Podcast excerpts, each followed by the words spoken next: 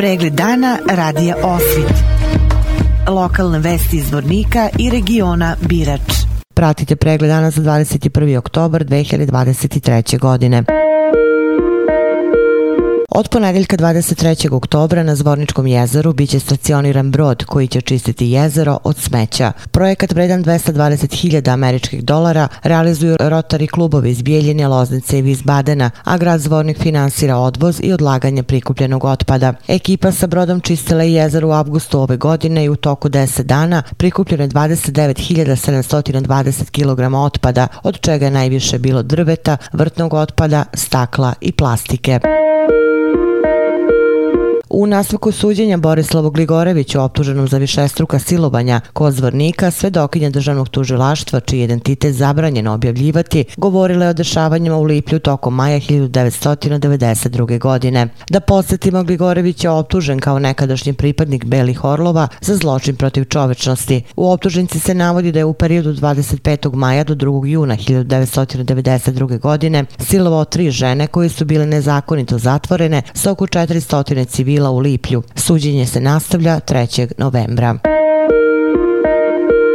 Poslednji dan poslavke izložene posvećene Savi Vladisavljeviću Raguzinskom, slavnom diplomati ruskog cara Petra I. Velikog, posvetili su učenici 8. dva razreda osnovne škole Branko Radičević iz Bratunca sa nastavnikom istorije. Nakon upoznavanja sa likom i delom Raguzinskog, učenici su obišli novi objekat opštinske uprave Bratunac i tom prilikom napravili zajedničku fotografiju u skupštinskoj sali.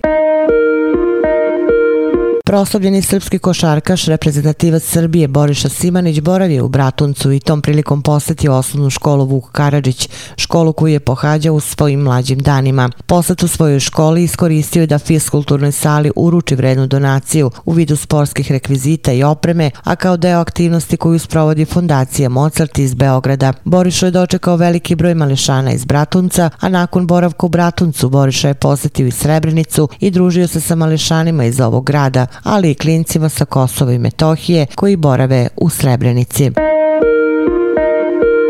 Vesti iz Loznice. Da li će kulturno-umetničko društvo Karadžić iz Loznice konačno dobiti novo rukovodstvo, trebalo bi da se reši u ponedeljak, za kada je zakazana izborna skupština društva. Naime, od sredine maja 2022. godine, posle iznenadne smrti Dragana Tošića, dotadašnjeg predsednika, završio od ove dužnosti imenovana je Aleksandra Antonić, dugogodišnja članica grupe pevača. U aprilu ove godine zakazani su redovni izbori novog rukovodstva, ali je tada skupština posle jednog sata zaseda zasedanja prekinuta zbog nedostatka kvoruma, jer je od ukupno 102 delegata u sali Vukovog doma kulture ostalo njih tek 88. Opširnije na sajtu lozničkenovosti.com.